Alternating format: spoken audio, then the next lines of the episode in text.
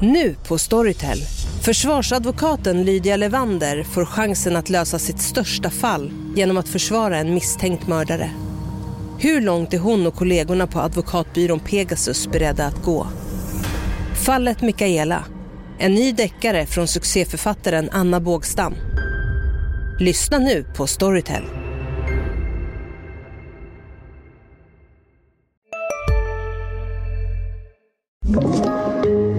Podplay. Varje år försvinner mångmiljardbelopp till bedragare. Enligt en ny rapport är brottsligheten värre än man tidigare befarat. Att människor, ofta pensionärer, luras på sina livsbesparingar är en del av problemet. Ett lika stort problem är att pengarna går att spåra till samma gäng som står för dödsskjutningarna. Det här avsnittet handlar om bedragare och polisens spjutspets för att stoppa dem. Du lyssnar på Krimrummet, en podd av Expressen med mig Kim Malmgren.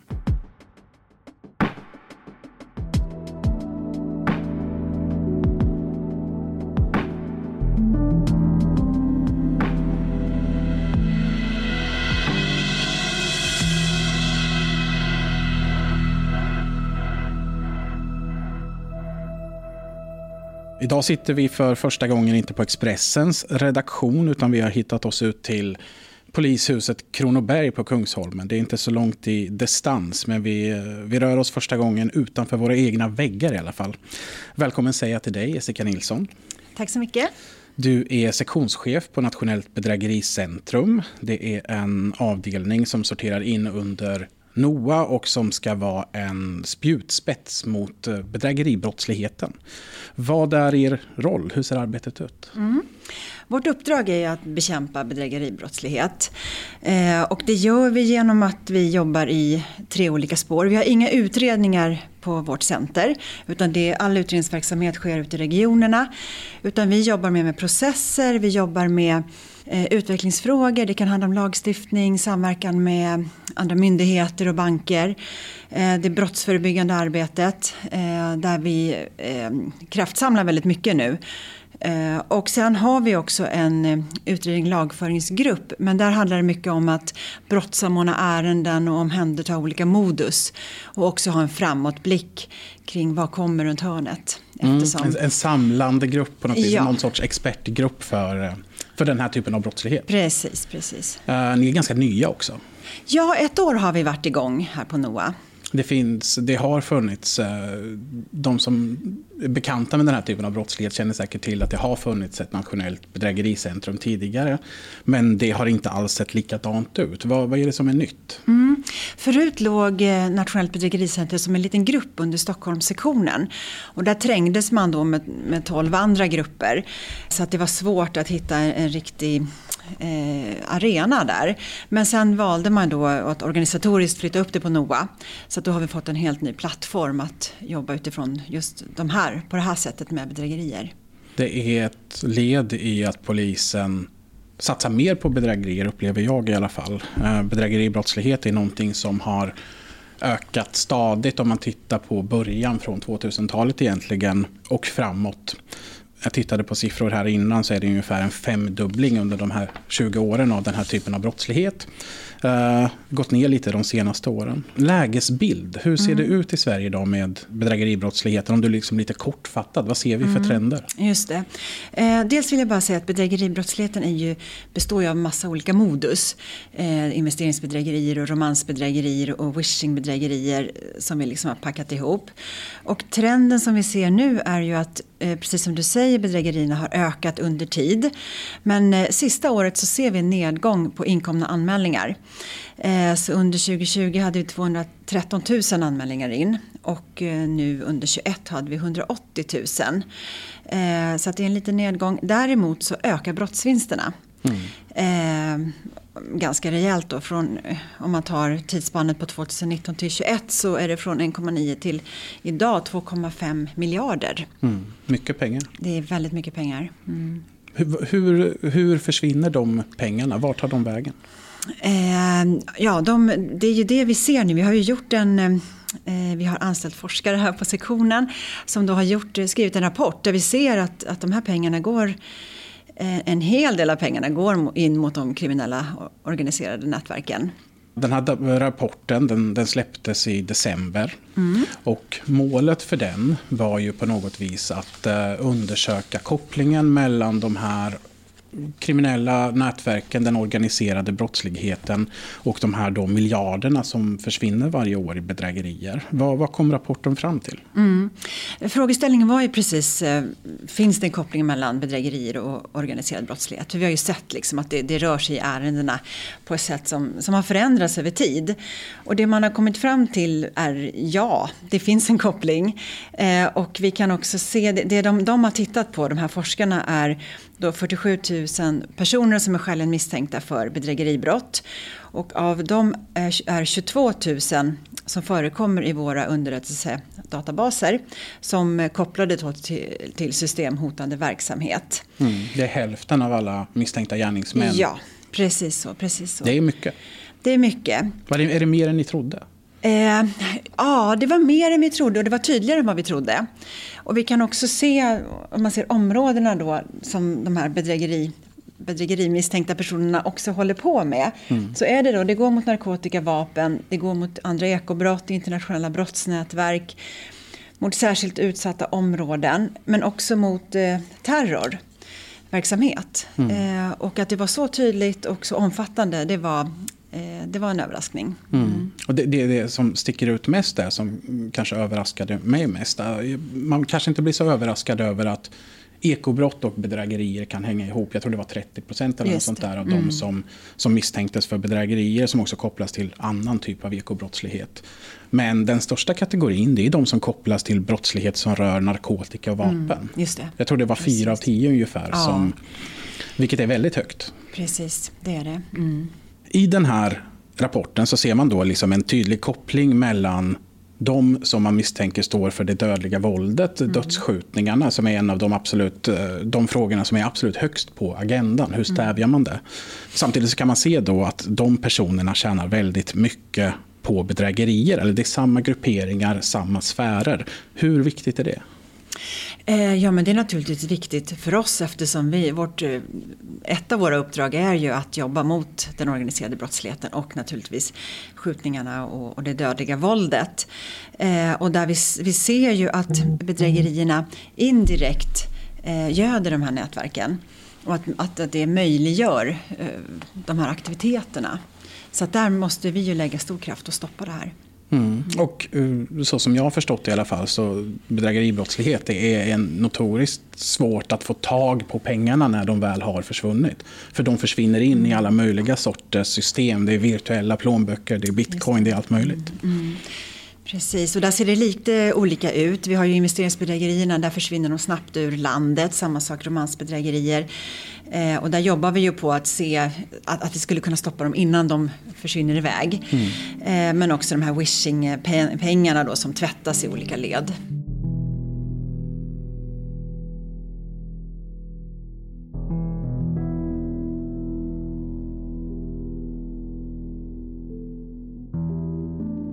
Bedrägerier som, som sådant är ju sällan våldsamt. Människor blir lurade på sina pengar men de råkar sällan ut för, för våldsdåd på samma sätt som kanske den kategorin vi pratade om här förut med vapen och narkotika.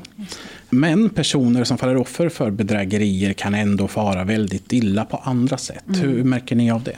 Just det. Eh, exempelvis då wishing-bedrägerier, det är ju de här eh, när bedragarna ringer hem till företrädesvis då äldre personer och, och förmår dem att lämna ut eh, kort och kod eller liknande och sen få tillgång till att tömma kontona. Eh, där ser vi ju, förra året hade vi 11 000 sådana anmälningar och då var ju medelåldern 76 år. Mm. Eh, och dels så får man ju sina besparingar tömda men också ser vi att många beskriver eh, väldigt mycket skuldkänslor. Man känner sig dum för man har gått på det här och, och man Eh, har hört att polisen, vi har ju haft mycket brottsförebyggande kampanjer och man vet att man inte ska lämna ut men så gör man det ändå. Och det kan ju vara att bedragaren ofta lägger in ett stressmoment. Att du måste swisha nu, pengarna håller på att försvinna eller din, ditt barnbarn ligger på sjukhus eller vi behöver ja, någon identifiering nu. Och, och det gör att man ändå fast man vet att man inte ska, man gör det ändå. Så det ligger mycket skuld i det där och det ser vi också på eh, romansbedrägerierna att det är mycket skam kopplat till det. Man skäms för att man har gått på det här. Hur, hur ser ett romansbedrägeri ut? Ja, det, och det kan ju vara lite olika. Men, men eh, väldigt vanligt är att man blir kontaktad på något socialt medie. Och att man... Eh, eh det kan vara en bild på någon ja, det brukar vara officer eller något, något liknande. Och, och, där man börjar chatta och så mer och mer lär känna varann. Och det här pågår ju över ganska lång tid innan man börjar be om pengar. Och sen kan man behöva pengar, det kan vara Eh, kvinnor som har sjuka barn som behöver pengar eller det är något ömmande fall man behöver pengar till eller för att kunna komma till Sverige och, och kunna träffas. Och, och sen börjar det då att man börjar kanske betala, betala in pengar, man tar lån för att kunna betala pengar och, och sen är den cirkusen igång. Eh, och där tror vi att det finns ett väldigt stort mörkertal. Vi tror inte att att så många anmäler som, som blir utsatta just för att man skäms. Ehm, mm. Och, det tycker vi är synd. Man ska alltid anmäla. Mm. Uh, ett strålande exempel på den här typen av romansbedrägerier. Tindersvindlaren, har du sett den? Ah, just det. Nej, jag, har inte, jag ska göra det. Jag har inte hunnit se den. Det är i alla fall en dokumentär på Netflix som, som visar hur det här kan se ut i väldigt stor detalj. Då. Uh, jag tror att åtminstone för någon vecka sedan så var det den mest sedda dokumentären på Netflix över hela världen. Så romansbedrägerier och hur de fungerar har fått mm. lite exploatering där i alla fall. Förhoppningsvis så kan det hjälpa någon att inte trilla dit.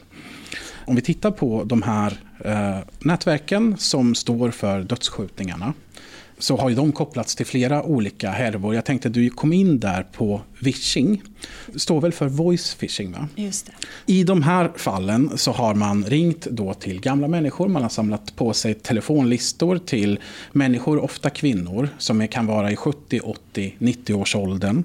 Eh, man ringer upp dem, säger att man är från banken och att ens konto är under angrepp. Eh, de kan hjälpa en att få tillbaka pengarna men det måste gå väldigt snabbt. Eh, logga in på BankID och följ mina instruktioner. Och genom detta då så, så kommer de in på deras konton och kan tillskansa sig alla deras pengar. Det kan handla om några tusen, det kan handla om hundratusentals kronor, det kan handla om miljoner. De pengarna som försvinner, de får man sällan tillbaka som privatperson, eller hur? Nej, precis. De blir inte ersatta för den, den typen av bedrägerier. I värsta fall kan detta innebära att man eh, har skulder som man inte kan hantera. Man kanske måste lämna hus och hem. Jag vet att jag har varit i kontakt med människor som har känt att de har inte bara skämt utan också blivit deprimerade. Mm. Det finns en otrolig psykisk mm. ohälsa kopplat till detta. Det finns ett fall, om vi går tillbaka två år i tiden ungefär, där det finns ett kriminellt nätverk från Rinkeby som är kopplat till den då så kallade Shotta-sfären som har varit involverade i Eh, flera av Stockholms värsta gängkonflikter. Där hittade polisen två huvudmän, eller två misstänkta huvudmän i en sån här vishinghärva. På några månaders tid så hade de tillskansat sig omkring 5 miljoner kronor. Den rättegången hölls ganska nyligen i Stockholms tingsrätt. Uh, ingen av de här två misstänkta huvudmännen var närvarande då. För den ena har blivit mördad, han blev mördad förra sommaren. Och den andra låg på sjukhus, han hade blivit skjuten i huvudet. Eh, väldigt skadad till följd av detta i samband med en annan skjutning. Vad ser ni för koppling mellan våldet och de här bedrägerierna? Även om inte kanske brottsligheten är kopplad så är personerna det. Mm, precis, ehm, och i det här fallet där, precis som du säger, så höll man en förhandling då eh, med penningtvättare. Men det kommer att komma eh, med den andra huvudmannen en förhandling här under våren. Eh, men absolut, vi ser ju den här kopplingen och det är det som har fått oss att, att reagera och agera. Vi ser ju att att bedrägerier indirekt driver Eh, den här verksamheten, den kriminella verksamheten och, och, att det göder deras aktiviteter. De får ju en, liksom en resurs att, att jobba vidare på. Ehm, och där tänker jag är vårt stora uppdrag att stoppa de här pengarna, att stoppa brottsvinsterna. Mm. När man pratar om vishing så pratar man om kluster. Vad mm. är ett kluster? Mm. Eh, kluster är ju egentligen eh, nej, men det är ett antal in, eh, kriminella individer som samarbetar utifrån olika funktioner och olika kompetenser för att kunna bedra människor på mycket pengar. Eh, och då genom social manipulation. Ehm, och ett kriminellt nätverk kan ha flera olika kluster. Eh, och det kan också vara mer eller mindre avancerade upplägg som man håller på med. Mm. Så det är egentligen kopplingar som vi klustrar ihop eh, utifrån modus och personer. Man kan, ofta se att det finns då en, en grupp eller en person kanske som är då en så kallad administratör. Som är den som på något vis håller i trådarna. Mm. Och sen så något eh, skikt under med eh, rekryterare mm. eller sådana som ja, men mellanchefer eller vad man ska mm. kalla dem. Som är de som ska hitta de här då målvakterna som är väldigt viktiga i sammanhanget. För det, det kan man se att det är sällan de som får pengarna skickade till sig som är de som tjänar de stora pengarna. Är det inte så? Precis, precis. Och det, de är ju som sagt organiserade. Och där försöker vi jobba mycket brottsförebyggande just mot unga penningtvättare. Att gå inte in i och swisha, swisha vidare pengar som man får utan att man liksom ska hålla sig ifrån det. Men det stämmer precis. Mm. Det finns två aktuella fall som berör just vishing där det har väckts åtal nyligen. Eh, jag tänkte jag ska ta upp de här för det visar vilka otroliga summor det handlar om. Den ena av de här har polisen då kallat för kluster Hammarström. Där man har eh, ringt till personer sagt att eh, de är under angrepp, de måste för, de måste logga in på sin bank snabbt och genom detta så kommer man in då. Där har det försvunnit närmare 40 miljoner kronor från personer. Och jag tror att det är under drygt ett års tid ungefär. I det fallet har man åtalat en penningtvättare än så länge. Det är en väldigt känd person i Stockholms kriminella miljö som har kopplats till flera skjutningar, både som eh, både dömd för grovt vapenbrott för att ha skarpladdat vapen, även varit utsatt för mordförsök genom att ha blivit beskjuten. I det andra fallet då så heter det Kapten Krok. I det fallet så har man främst riktat in sig på företag, småföretagare. Man har hört av sig till kanske den lokala målaren eller den eh, lokala vad det nu kan vara. Och på så sätt kommit åt deras företagskonton. Och där handlar det om 110 miljoner kronor. Sammanlagt de här två härvorna så misstänks 150 miljoner kronor ha gått till personer i den kriminella miljön. Alltså samma personer som polisen misstänker står för det dödliga våldet. Vad, vad, vad säger du om dessa liksom jättehärvor? Det är enorma pengar som försvinner. Mm. Ja men det stämmer. Eh, det är det verkligen. Eh, och eh, jag ska inte gå in på de speciella klustren här eftersom FE pågår och det är åtal väckt i delar av dem. Så det, det precis, det är mycket, mycket, som utreds fortfarande ja, i de här. Precis, men, men det är precis upprörande att det är så otroligt mycket pengar och att det är ändå, det går från eh, personer som jobbar hela sina liv och betalar skatt och, och, och så bara och, och, företag. Vi har också hört talas om idrottsklubbar som man har tömt totalt och som blir helt förtvivlade naturligtvis. Och sen som inte blir ersatta och sen går det här in i de här kriminella nätverken. Eh, och, och, det vi gör, vi, vi gör ju en satsning nu på wishing inom eh, bedrägeri Bedrägeri-Sverige eh, där alla regioner nu kör mot de här klustren och vi har valt ut strategiska eh, kluster eh, för just att stoppa brottsvinsterna. För det är ju det högsta. Och det är det som vi kan hjälpa till med eh, för att få stopp på de här skjutningarna och att vi slutar göda de här kriminella nätverken helt enkelt. Jag vet att jag pratade med en, en kollega till dig på, på bedrägerisektionen i Stockholm för, vad kan det Hej, Ulf Kristersson här. På många sätt är det en mörk tid vi lever i. Men nu tar vi ett stort steg för att göra Sverige till en tryggare och säkrare plats. Sverige är nu medlem i Nato. En för alla, alla för en. Har du också valt att bli egen? Då är det viktigt att skaffa en bra företagsförsäkring. Hos oss är alla småföretag stora och inga frågor för små. Swedeas företagsförsäkring är anpassad för mindre företag och täcker även sånt som din hemförsäkring inte täcker. Gå in på swedea.se företag och jämför själv. Det var nu några månader sedan. Men han berättade då i alla fall att eh, det är en sak man gör nu för att komma åt just den här kopplingen mellan bedrägerier och eh, personer i den kriminella miljön, alltså de som man anser farliga i våldshänseende, är att man går ihop med kanske människor som kan det här med bedrägerier, alltså poliser med kompetens kring bedrägerier, jobbar tillsammans med poliser som har kompetens om de här kriminella nätverken. Det låter ju som någonting som faller inom ramen för er verksamhet mm. eller hur man strategiskt ska bemöta det här? Uh, dels är det ju, alltså bedrägerier är ju så, så, så stort och så otroliga mängder. Uh, så att vi behöver verkligen samverka och vi behöver samverka externt med andra banker och kreditinstitut och, och Bolagsverket och, och, myndigheter. Men också internt. Och där har ju vi ett väldigt bra samverkan på MBC med underrättelsetjänsten och med eh, IT-brottscenter. Eh, men också att vi närmar oss, precis som du säger, de som eh, utreder våldsbrott. Att där ska man in med bedrägeriögon så att vi kan stoppa pengarna i mycket större utsträckning än vi gör idag. Det görs ju idag men vi ska bli ännu bättre på det.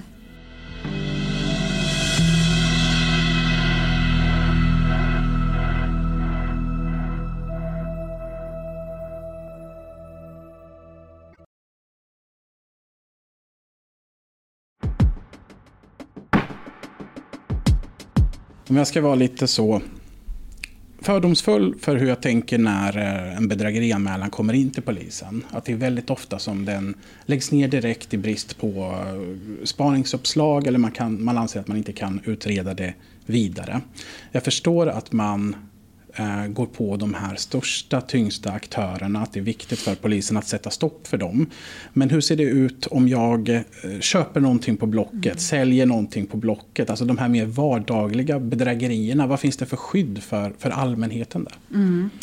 Eh, ja, vi följer ju reglerna i rättegångsbalken. Så att finns det anledning att anta och, och möjlighet att utreda, då, då görs det. Sen är det ju så att det är enorma mängder med bedrägeribrott så att det kan ta lite tid. Men, men allting utreds ju som ska utredas. Så där kan man känna sig trygg. Däremot så skyddet är ju det här, eh, det är ju konsumentköpslagen och köplagen och, och det vanliga som gäller. Mm. Om, man, om, man, tittar på den internrevision som har gjorts av, av bedrägeriarbetet så har den pågått under flera års tid och eh, internrevisionen har riktat kritik och polisen har eh, Eh, anpassat sig efter den och försökt göra förbättringar. I den senaste internrevisionen då, som kommer från sommaren förra året så tar man upp just detta. Man beskriver det som mycket väsentliga brister i tre olika avseenden. Och det är kanske framförallt de fallen då som man inte bestämmer sig för att inleda förundersökning att man får in en utredning, man lägger ner den, eh, man vidtar inte de utredningsåtgärder som ska, ska göras. Jag gissar att den här typen av, ska vi kalla det förbättringspotential, faller inom er ram, liksom att ta fram, rikta det arbetet. Vad, vad gör ni för att komma till rätta med detta? Mm, precis, det stämmer bra. Och internrevisionen är ju precis som namnet säger, att polisen granskar sig själv. Och det är ju väldigt bra. Eh, och då har man granskat just de här eh, ärendena där man har, som man har lagt ner direkt. Eh, och det man har kommit fram till att ärendena är korrekt nedlagda så att inget ärende har lagts ner som inte skulle ha lagts ner. Däremot har man riktat kritik mot att man har haft felaktiga motiveringar, att det ska finnas en enhetlighet över hela landet och, och sådana saker. Och det jobbar vi ju med. Dels att förbättra kvaliteten och vi har ett helt åtgärdspaket kring det. Eh, förbättra kvaliteten och vi ska också göra stickkontroller regelbundet så att vi ligger rätt i våra nedläggningar.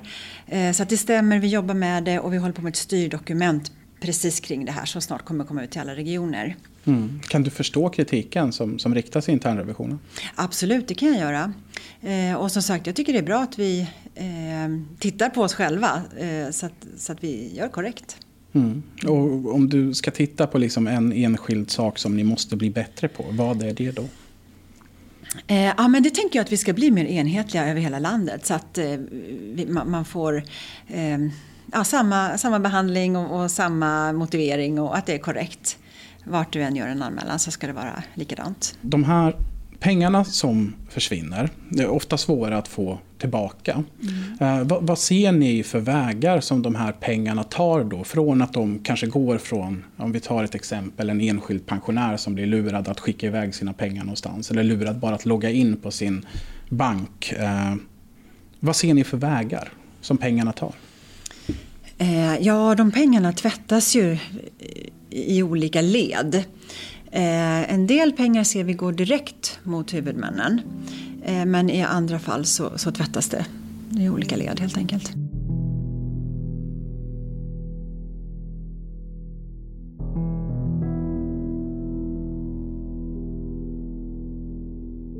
Vad har bankerna för roll i allt detta? Hur, hur ser era dialoger med dem ut? Mm. Eh, vi, har, vi får ju dialog med bankerna och vi jobbar mycket, det är en del av vårt brottsförebyggande strategiska arbete. Och bankerna är en del av det, men vi jobbar också mot Bolagsverket och Skattemyndigheten och andra myndigheter.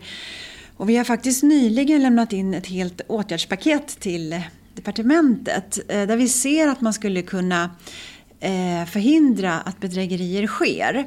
Och vi ser också när bankerna har, gjort, eh, har förändrat eh, säkerhetslösningar, exempelvis när man gör kort, kortköp på nätet, mm. så måste man ju numera göra två steg. Det. Och det har gjort att bedrägerierna har gått ner med 38 procent. Och därav den här nedgången.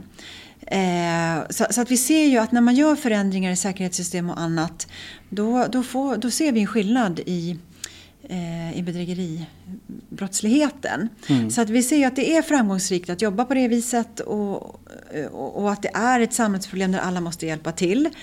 Um, och det är svårt, det är så otroligt, det är så otroliga mängder med ärenden så att vi kan inte utreda bort dem.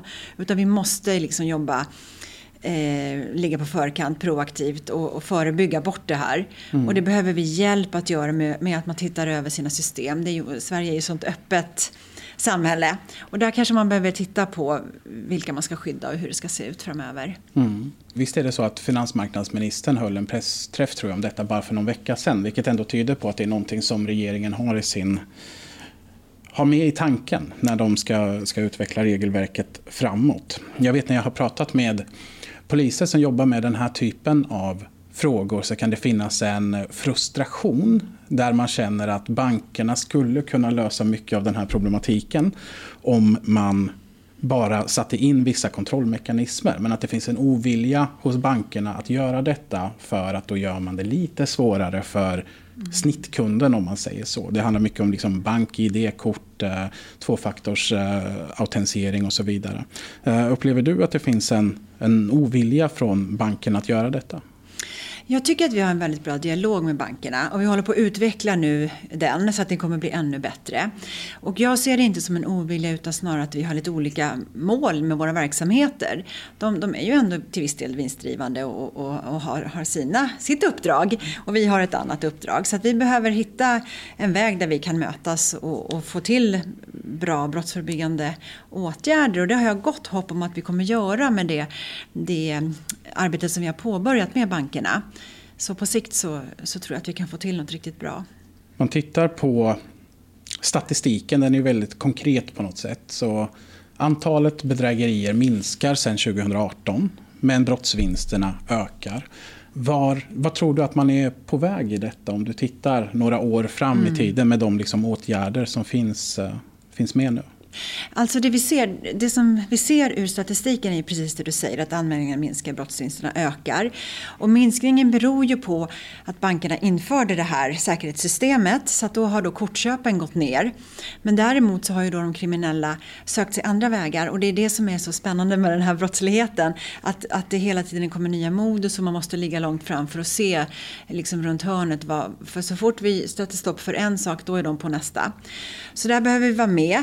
Eh, Eh, vi ser ju i framtiden att våra åtgärder ska, dels att vi kör en kraftsamling nu eh, utredningsmässigt men också brottsförebyggande. Och att vi dels med kampanjer med information men också med konkreta åtgärder. Och att vi har liksom det här bra samarbetet med andra myndigheter och banker och bolag. Att vi ska kunna få en nedgång på både brottsvinster och eh, anmälningar. Hur svårt är det för er att följa pengar som går ut i Sverige? Jag tänker det finns banksekretess, mm. det finns olika eh, avtal med olika länder. Man kan skicka iväg en begäran, sen vet man aldrig hur lång tid det tar innan man får tillbaka den. Hur mycket sådana problem upplever ni i ert arbete? Mm, ja, men det är precis som du säger. Det är ju ett, ett eh, bekymmer. Vi har ju bra internationell verksamhet som vi också håller på att utveckla. Vi har ju bara hunnit med ett år här så att vi, vi, kommer, vi kommer komma igång med mycket mera. Men det är en del som vi kommer att utveckla ännu mer, den internationella verksamheten. Att vi eh, på ett smidigare sätt ska kunna följa pengarna. Eh, sen beror det på lite vilket land och hur lätt det är att, få, få svar. Eh, så är det ju. Men det, det, är en utmaning som vi har, absolut. Mm. Det är inte bara polisen som utvecklar sig utan det gör ju resten av världen också. Jag tänker mm. på eh, framväxten av virtuella Mm. plånböcker, kryptovalutor. Mycket mer pengar än tidigare går in i de, den typen av verksamhet. Eh, Är det ett problem för er? Eh, ja, både ja och nej. Det är klart att det är det. Men, men där blir ju vår uppgift att vara med i ett tidigt skede, så tidigt som det bara går. Så att så fort vi får höra talas om en ny, ny eh, funktion som ska lanseras, exempelvis hade ju Riksbanken lite nya förslag nu och, det ska komma den här kronan, e-kronan och så vidare. Och då försöker vi, kontaktar vi dem direkt och frågar hur ser säkerheten ut, att vi är med tidigt. Att kom gärna med nya saker men se att ni har ett säkert system. Den har jag dålig koll på. Vad är e-kronan för något? Ja, men det ska ju vara den här nya, eh, vi har ju bitcoin och det här, men då ska myndigheterna också ha en, en eh, virtuell valuta. En sorts myndigheternas kryptovaluta? Precis, precis. Jaha, Ja. det var piggt. Ja, ja, jag nya missat tag. helt. Ja, visst. Ni har hållit på ett år. Vad är det viktigaste ni har uträttat? Eh, Jag skulle vilja säga att det är eh, att vi har kommit ut med den här Eh, rapporten egentligen om eh, den här tydligheten att pengarna går mot organiserad brottslighet.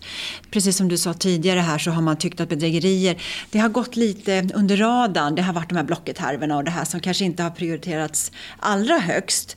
Eh, men, nu ser vi att det handlar om avancerade brottsupplägg som man säljer till varandra mellan nätverk som ligger ute på nätet och, och som vi måste hantera på ett helt annat sätt. Vi måste sätta bedrägerierna i det sammanhanget där de faktiskt hör hemma eh, och inte behandla dem som nå- någon sorts mängdbrott. Och nu behandlar man ju alla brott lika, lika eh, prioriterar lika mycket. Men däremot så, så måste man se hela sammanhanget för att kunna eh, göra rätt åtgärder helt enkelt.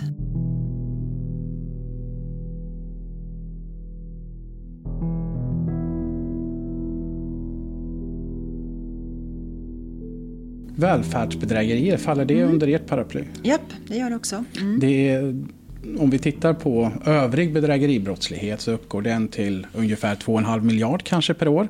Och eh, löst räknat välfärdsbedrägerier kanske tio gånger så mycket. Vad gör man på den fronten?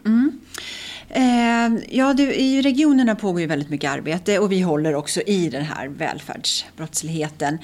Eh, och, och där är ju flera myndigheter inblandade med alla bidragsgivande myndigheter samverkar ju vi med. Vi kommer eh, under våren här att eh, jobba vidare med en analys kring välfärdsbrottsligheten. För där ser vi också att det, ja vart går de pengarna undrar man ju, för det är också en hel del pengar. Eh, och där behöver vi få en tydligare bild. Precis som med de här andra bedrägerierna så har man ju en känsla för eh, vart de tar vägen. Men vi behöver få det, eh, fakta svart på vitt. Så att det kommer komma en analys, en djupare analys kring det senare i år.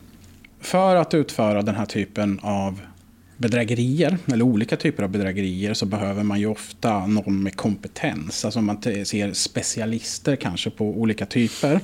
Och anekdotmässigt i alla fall, när jag har jobbat med de här typen av fallen, så tycker jag man kan se att vissa typer av nätverk ofta fokuserar sig på en typ av bedrägeri. Eller så man har hittat någonting som man kan bättre än de andra, som man sedan tillskansar sig väldigt mycket pengar på. Uh, Om man tittar på nätverk i Järva så har de hållit på mycket med vishing till exempel. I Södertälje har det funnits flera uppmärksammade fall av välfärdsbedrägerier. Uh, Den här jättestora kasinohärvan för några år sedan handlade det om det som kallas friendly fraud” frauds. Alltså att man övertygar någon att ta ut lån och sen så ska de polisanmäla det. Eh, Märker ni av att de här nätverken specialiserar sig? Inte så, men vi ser ju att brottsuppläggen förändras över tid och eh, man gör det man kan. Men sen har vi inte gjort någon värdering i vilka som gör vad eller eh, svårighetsgrad. Eh, men å andra sidan, det, man får ju färdiga upplägg som man bara kan följa i vissa delar så att det behöver inte vara så avancerat heller. För, för det, det som jag egentligen vill åt här, det är de här specialisterna som i alla fall jag kan se återkommer år efter år i ungefär liknande fall. Sen så kanske de åker dit någon gång vartannat år eller något sånt där. Men under tiden som de håller på med sin brottslighet så tjänar de väldigt mycket pengar som sen försvinner och aldrig kommer tillbaka. Hur viktigt är det för er att sätta press på de här specialisterna? Det är naturligtvis viktigt. Det är ju våra strategiska personer som vi behöver jobba med inte bara, inom all, alla brottstyper, inte bara inom bedrägerier. Men, men det är ju där lite vi siktar oss i våra, eh, i våra kluster och det som vi håller på med nu nationellt. Då har vi ju spetsat oss på strategiska personer och på strategiska kluster där de största brottsvinsterna finns. Man tittar lite framåt här. Ni, ni håller på med ert arbete nu. Vad är det viktigaste för er att bli bättre på för att komma åt de här problemen eh, på riktigt? Jag tänker att vi behöver eh, att den här typen av brottslighet Eftersom det är ett samhällsproblem, det berör så otroligt många, så tänker jag att det är samverkan. Vi måste jobba mer samverkan, både internt och externt. Vi behöver få med oss alla de här eh, Eh, samarbetspartners. För polisen kan inte göra det här själva. Vi kan utreda och vi kan göra allt vi kan. Men vi kommer ändå inte nå hela vägen fram. Och det hör vi ju när vi gör våra kampanjer och vi utreder. Eh, bedrägerierna händer ändå. För man vet att man inte ska men man gör det ändå. Så att vi behöver liksom eh, att, att systemen inte tillåter att, att det går. Så att vi behöver eh, bli bättre på att samverka, tänker jag. Är det här en typ av brottslighet som går att polisa bort om man kallar det så? Eh, det går in, jag menar att det, vi kommer inte kunna utreda bort den. Eh, och brottsförebygga kan vi göra till viss del men det hjälper inte heller. Utan vi behöver göra det här tillsammans, i, alla, hela samhället, alla funktioner som är berörda av det. Vad är det viktigaste brottsförebyggande arbetet ni gör? Dels, ja, jag skulle säga att det är det här, det här som vi har påbörjat med bankerna nu. Eh, att, eh, med bankerna och sen det här åtgärdspaketet som vi har lämnat upp till eh, regeringen nu. Eh, bland annat kring Bolagsverket för man kan ju nu eh, exempelvis eh, registrera ett företag utan att behöva uppge personnummer. Alltså det är mycket anonymitet som man behöver komma till rätta med. Eh, så att det här paketet tycker jag är det viktigaste som vi gör just nu. Då nöjer jag mig där. Jag får tacka så mycket Jessica Nilsson för att du ville gästa krimrummet. Tack så mycket. Vi kör ett nytt avsnitt nästa vecka. Vi hörs då.